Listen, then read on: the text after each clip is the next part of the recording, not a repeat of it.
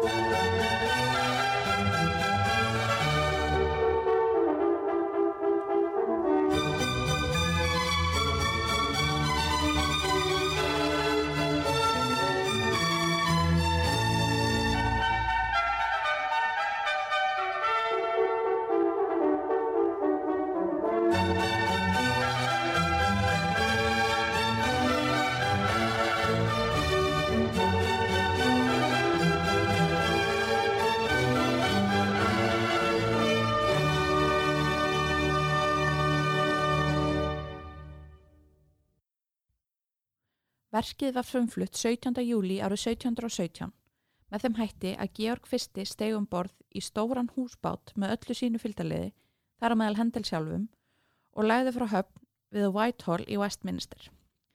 Þeim fylgdi annar bátur með 50 manna hljómsveit sem flutti vatnatónlistina. Hundruður smábáta fylgdu konungi og hljómsveit upp með Thames og allalegði til Chelsea. Íbúar London flyktust að árbakkanum til að fylgjast með og vakti þetta stönd mikla lukku. Við komið til Chelsea var svo snúi við og haldið aftur til Whitehall. Tónleikarnir stóðu yfir frá klukkan 8 um kvöldið og þar til lungu eftir miðnætti.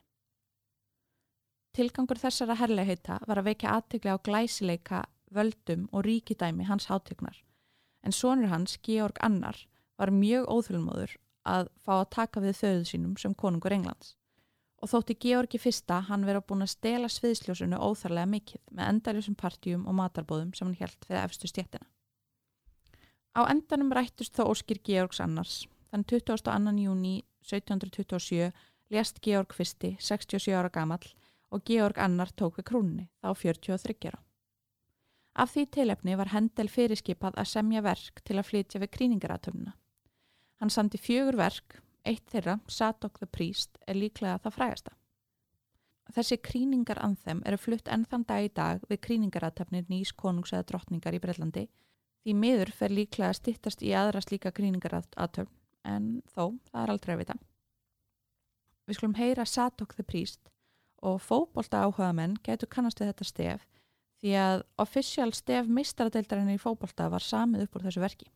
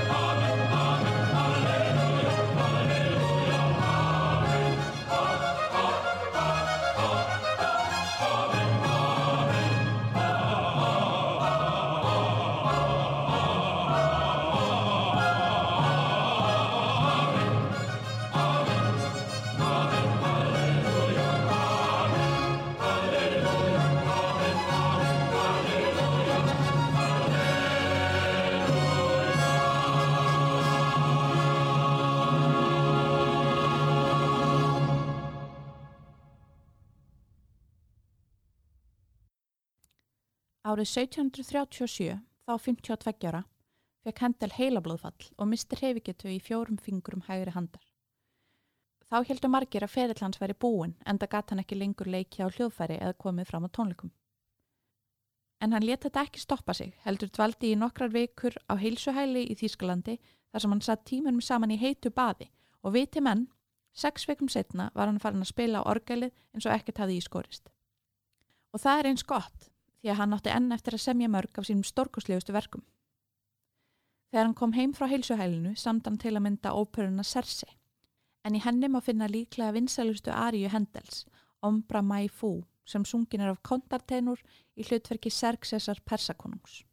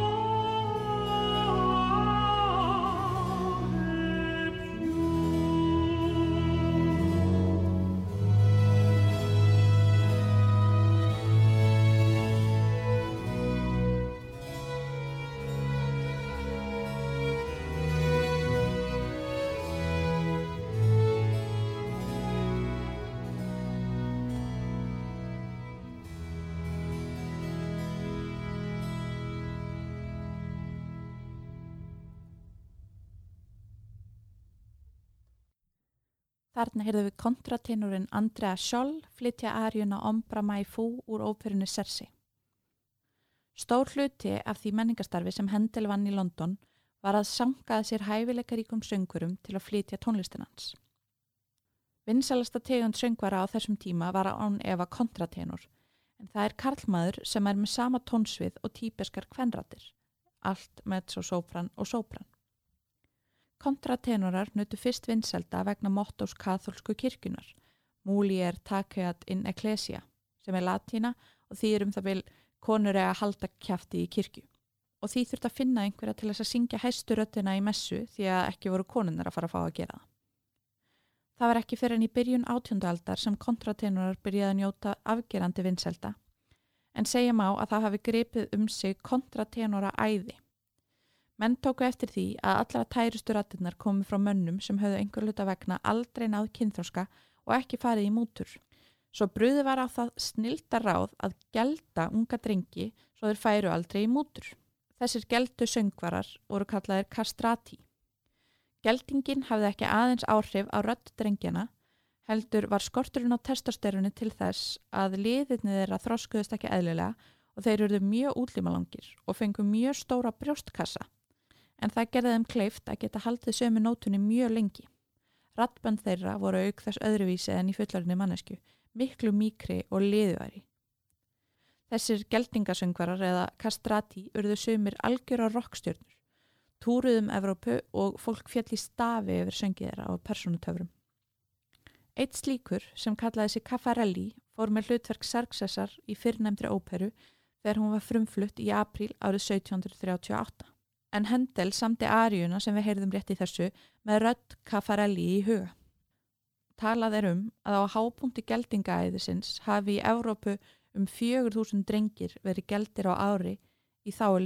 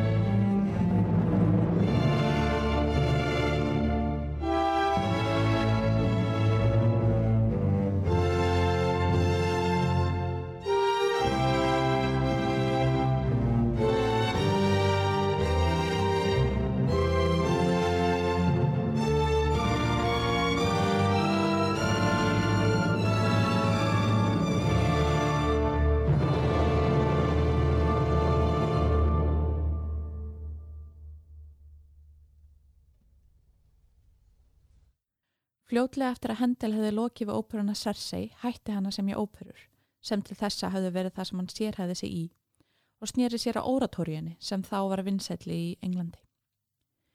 Oratória er að mörguleiti eins og ópera nema hvaða oratórian er bara tónverk á meðan ópera er nokkur skonar leikrið líka. Oratória er basically bara ópera mínus leikþátturinn.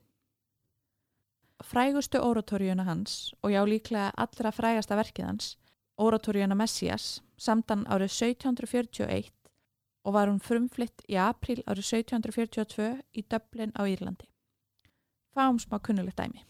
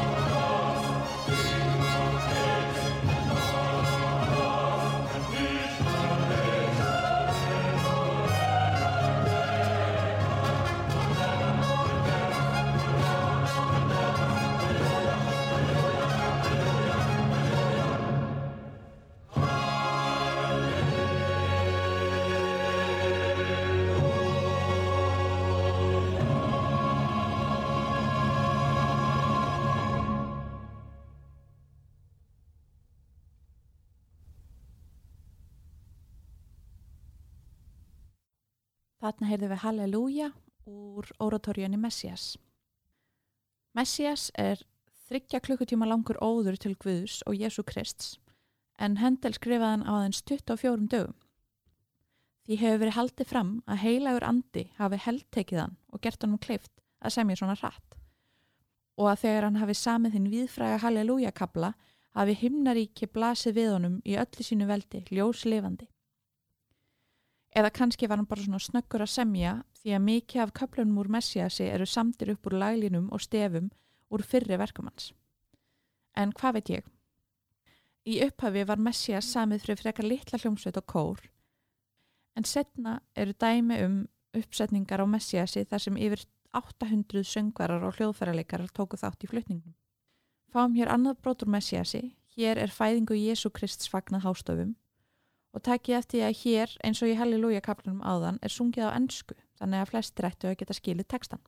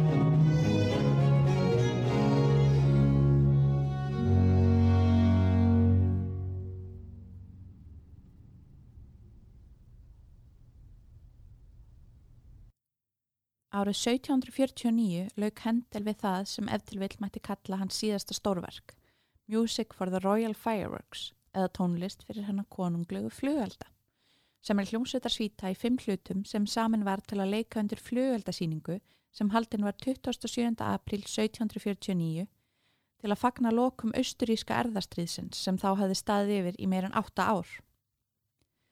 Flugeldasýningin fór fram í Green Park í London. Um 12.000 manns kefti sér miða til að vera viðstöðt flugöldasýninguna og myndaði svo mikil örtröð þegar fólk flyktist yfir London Bridge að það tók þrjár klukkustundir fyrir fólk að komast yfir brúna. Tónlistin sló strax í gegn en það er ekki hægt að segja að flugöldasýningin hafi gengið jafn vel. Það var úrhellisrykning allan tíman. Í miðri síningu kviknaði í hægri hluta skálan sem hefði verið byggður sérstaklega undir síninguna og auk þess voru margar rakettur sem skutust í vittlisu átt. Einn hæfði hefðardömu og það kviknaði í kjólnum hennar. Þrjár til viðbótar hæfðu hermenn sem stóði heiðursverðu síninguna. Tveir þeirra brendust ítla og sá þriðji misti sjónina. Ekki nómið það heldur tókst öðrum hermanni að sprengja af sér höndina þegar hann myndaði eina af þeim yfir hundrað fallpissum sem notaður voru á síningunni. Þannig að það mætti fullir það að þessi fljóðaldasíning hafi í besta falli verið klúður og í versta falli bara stór hættuleg. En náum fljóðaldasíninguna, við skulum hlusta á tónlistina. Hér er opnunakabli Music for the Royal Fireworks.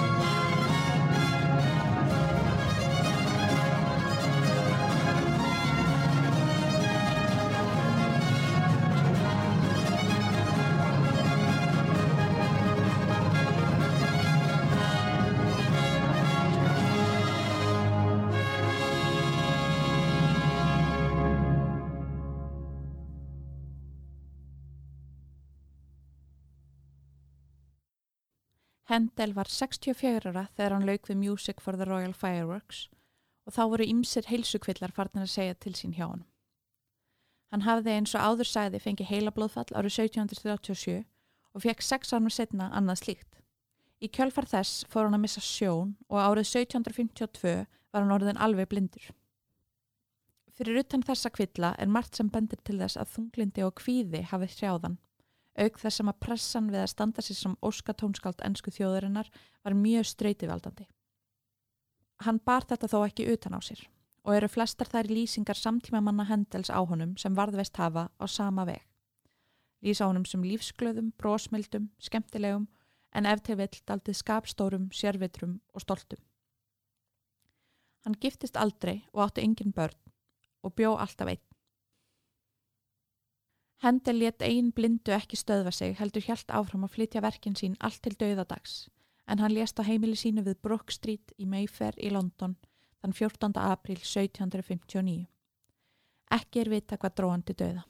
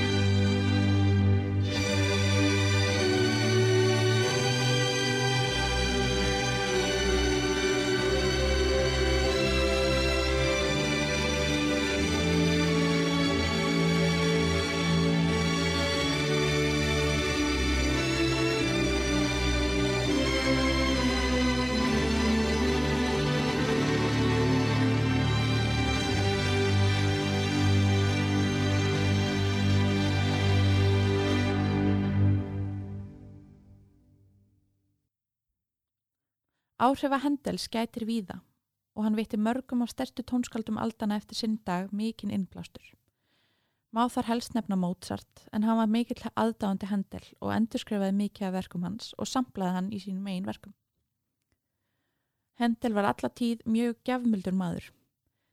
Þar sem hann átti engin börn let hann stóran hluta eigna sinna renna til ímissa góðgermála við döða sinn.